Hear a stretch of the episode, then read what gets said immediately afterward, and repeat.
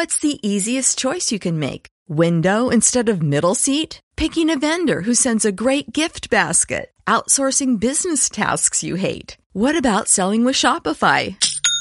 Whether you're selling a little or a lot, Shopify helps you do your thing, however you cha-ching. Shopify is the global commerce platform that helps you sell at every stage of your business. From the launch your online shop stage to the first real life store stage, all the way to the did we just hit a million orders stage. Shopify's there to help you grow. Whether you're selling scented soap or offering outdoor outfits, Shopify helps you sell. Wherever and whatever you're selling, Shopify's got you covered. Sign up for a $1 per month trial period at shopify.com slash try. Go to shopify.com slash try now to grow your business, no matter what stage you're in. Shopify.com slash try.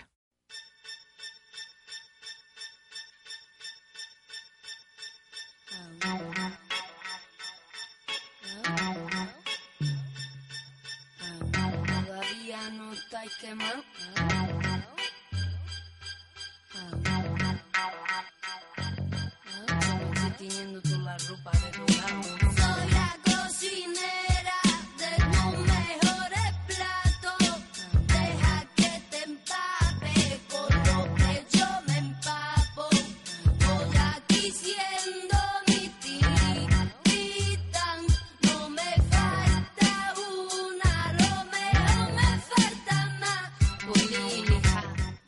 Hola, bona tarda, un dimarts més, una setmana més aquí amb vosaltres, al programa El Davantal, a Vallvei Ràdio. Si voleu participar en directe en el programa, ho podeu fer a través del 977 16 89 77 per qualsevol consulta, o si no, deixar suggeriments al Facebook de la ràdio.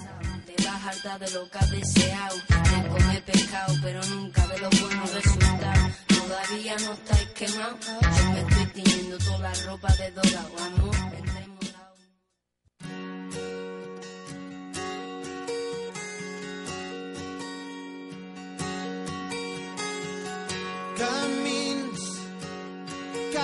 s'esvaeixen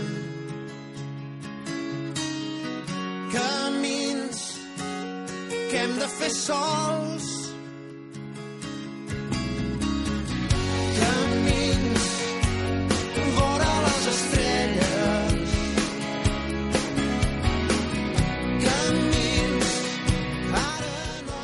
Bueno, eh, avui a l'espai de l'ingredient parlarem de l'aguacate.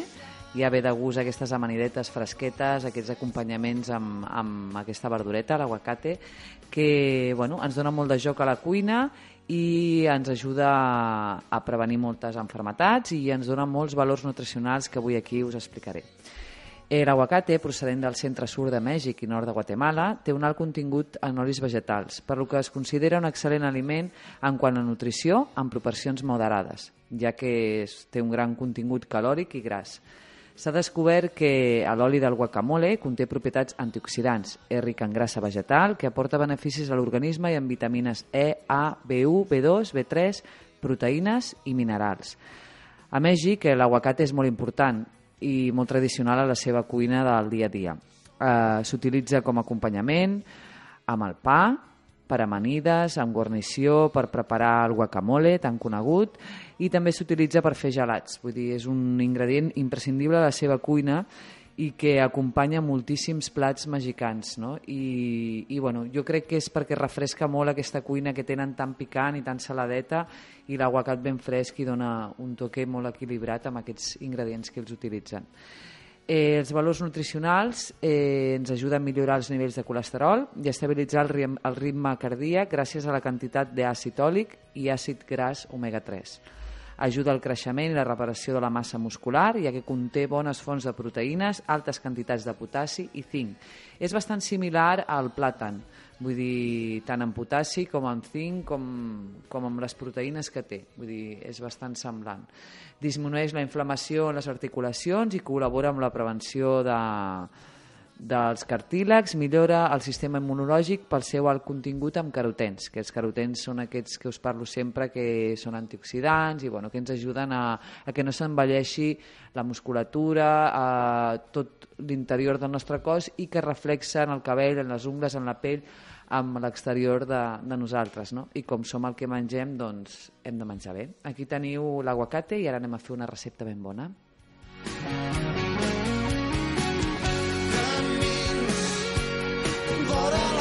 les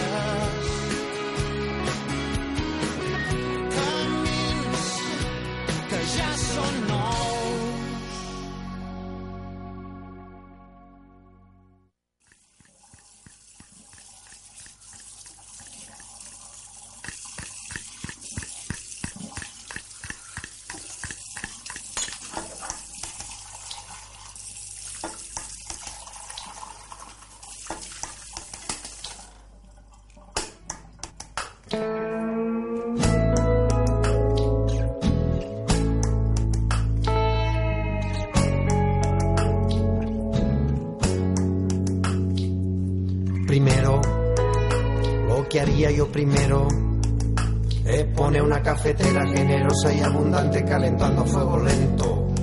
Mientras tanto, como un veneno blanco que tengo en un estante, no me Bueno, anem a la recepta d'aquest uh, aguacate. La veritat és que m'ha costat molt trobar una recepta perquè ja us he dit abans que té molt de joc a la cuina.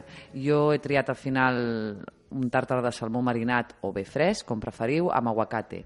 Però bueno, he pensat infinitats de, de receptes. De fet, l'aguacate des d'agafar de la nevera, obrir-lo pel mig, sal, pebre, i oli, vinagre i menjar-te'l amb la cullera, fins a omplir-lo de tonyina amb maionesa i una mica de moresc, en amanida, amb, bueno, amb infinitats de receptes, inclús amb, amb carns, amb, amb un munt de receptes. Però bueno, he triat aquesta que a mi m'agrada molt fer-la, m'agrada molt menjar-la i crec que, que saber molt amb el- amb l'escalforeta que ja comencem a tenir. Eh, doncs bé, tàrtar de salmó. Marinat o fresc. Poso marinat o fresc perquè podeu triar. Podeu fer un marinat del salmó, que després us explicaré com fer-lo, o bé fresc, prèviament congelat. Si teniu por de l'anisaki o de que us faci mal, doncs congeleu unes 78 hores, el descongeleu i ja no hi ha cap perill. Bé, ingredients. 300 grams de salmó, dos aguacates, al punt, madurets però que no es desfagin. Ens interessa trobar els trossets d'aguacat quan mengem el tàrtar. Eh, mitja ceba tendra, que sigui grosseta, si és petita, doncs una sencera, dos cullerades d'alcaparres amb vinagre, una lima o llimona, el que preferiu, a mi m'agrada més amb lima, dos cullerades de salsa perrins, dos cullerades de salsa de soja, dos cullerades de mostassa antiga, cullerades petites, eh, de postre, tres cullerades d'oli d'oliva verge, pebre negre molguda i gingebre fresc. Podeu posar wasabi, però a mi no m'agrada massa. Jo prefereixo una mica de gingebre fresc ratlladet i li dona un toque molt guai. Important, en aquest plat, un bon ganivet i una bona taula de tallar. No necessitem fogons, piquem la ceba tendra molt petitona, després piquem les alcaparres, eh, també es pot posar, si us agraden, cogombrets o cebetes d'aquestes amb vinagre, això ja és el gust. A mi m'agrada amb alcaparres i algun cogombre a vegades també li poso. Això ho posem tot en un bol, que sigui ample, que, ens, que, que puguem treballar després tot això dintre, i tirem les culleretes de mostassa antiga, la salsa perrins, la soja, l'oli d'oliva i ratllem aquesta miqueta de gingebre que us he parlat abans. El gust és fort, eh? vull dir, tasteu-lo, si no heu provat mai el gingebre, tasteu-lo una mica amb cru, és picantet, i ja veureu la quantitat que, que us agradarà posar-hi, o més o menys. També al final ho podeu rectificar amb una mica més, no hi ha problema. El salmó, si finalment decidiu que sigui marinat, doncs, bueno, el que us deia abans, millor que ho facis tu a casa perquè, a part de que és molt fàcil, et sortirà molt més econòmic. És agafar el salmó a la peixateria que te'l pots agafar mig salmó de dalt baix, que et treguin bé les espines, que te'l deixin ben net, perquè té unes espines grosses, o si no tu a casa amb unes pinces les acabes de treure, i és posar anet, aneldo, per sobre i sal grossa. I és ficar-ho a la nevera unes 12-13 hores. Després retires la sal i ja tens el salmó marinat. També el podeu congelar, perquè això fa una cocció mm, a la sal, però és una semicocció, vull dir, no, no, està, no està cuita a temperatura com perquè pugui matar anisakis o qualsevol cosa que porti el peix, no? Tot i que sigui ben fresc, mmm, no us arrisqueu i congeleu-lo abans i després feu aquest marinat. Un pic traieu la sal i tireu una miqueta d'oli per sobre i ja teniu el salmó marinat. Jo us recomano que em feu millor amb salmó fresc, però bueno, això ja és el gust de cada un. Podeu provar les dues receptes i ja sabreu quin us agrada més.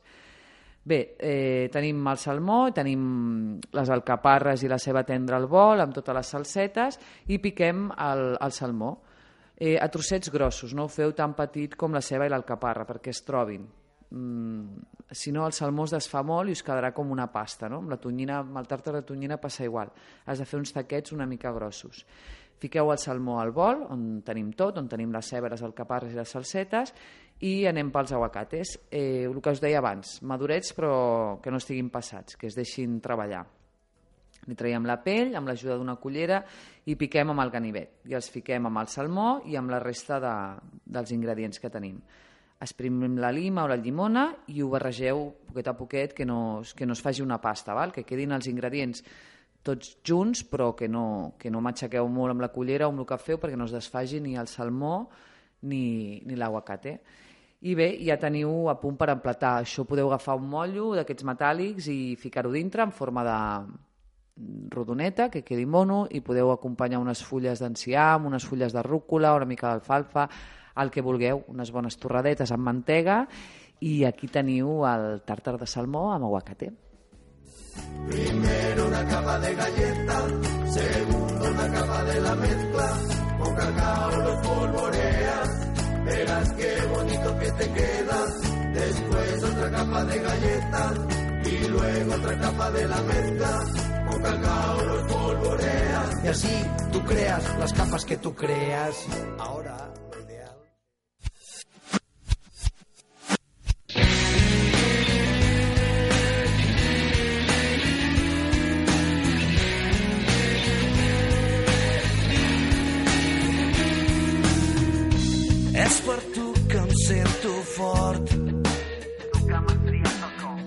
És per tu que m'has triat. Tal com sóc he après que en el fons la tendresa és la gran fortalesa. M'has ensenyat que no hi ha millors raons que les del cor.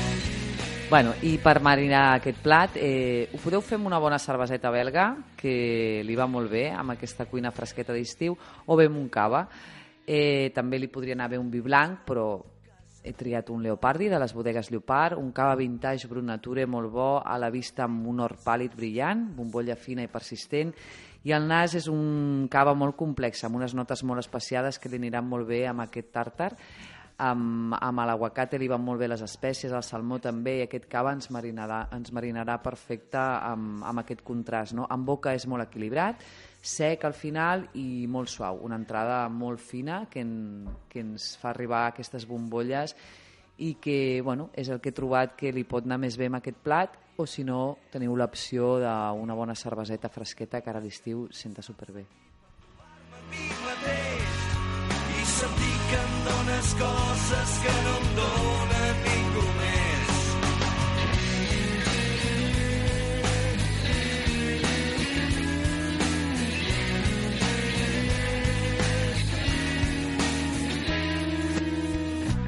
És per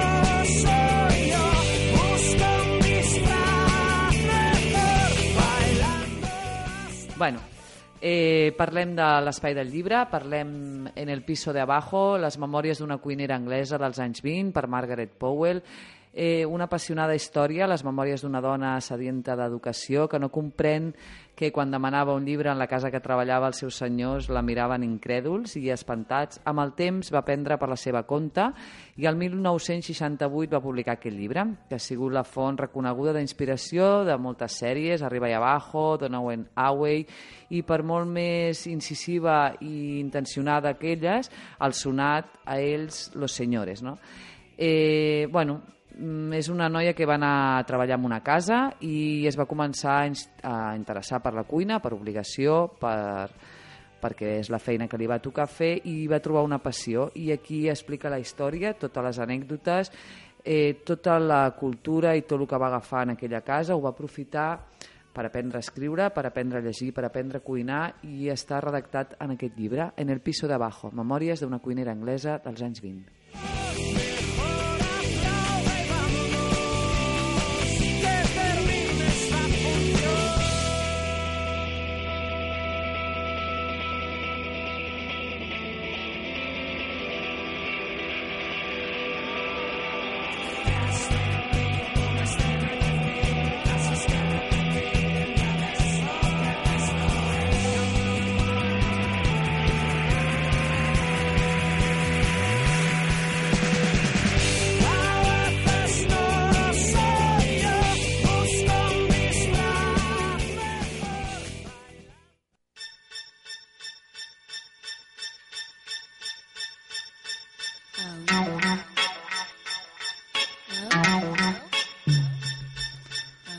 Bueno, ja només em queda despedir-me i desitjar-vos demà una bona diada.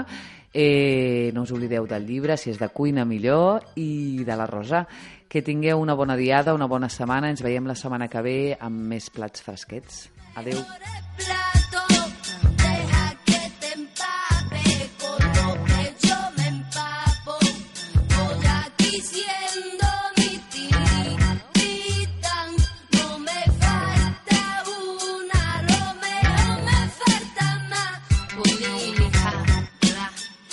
lucecita, L, L, me den lo que me quitan, no dan huevos de oro, todas las gallinitas. Si la vida no me sonríe, la hago. Poco aguantan, no están preparados, no entienden. Cuando ya pasado, te vas harta de lo que has deseado. De comer pescado, pero nunca de los buenos resultados. Todavía no estáis quemados. Yo me estoy tiñendo toda la ropa de dorado. Amor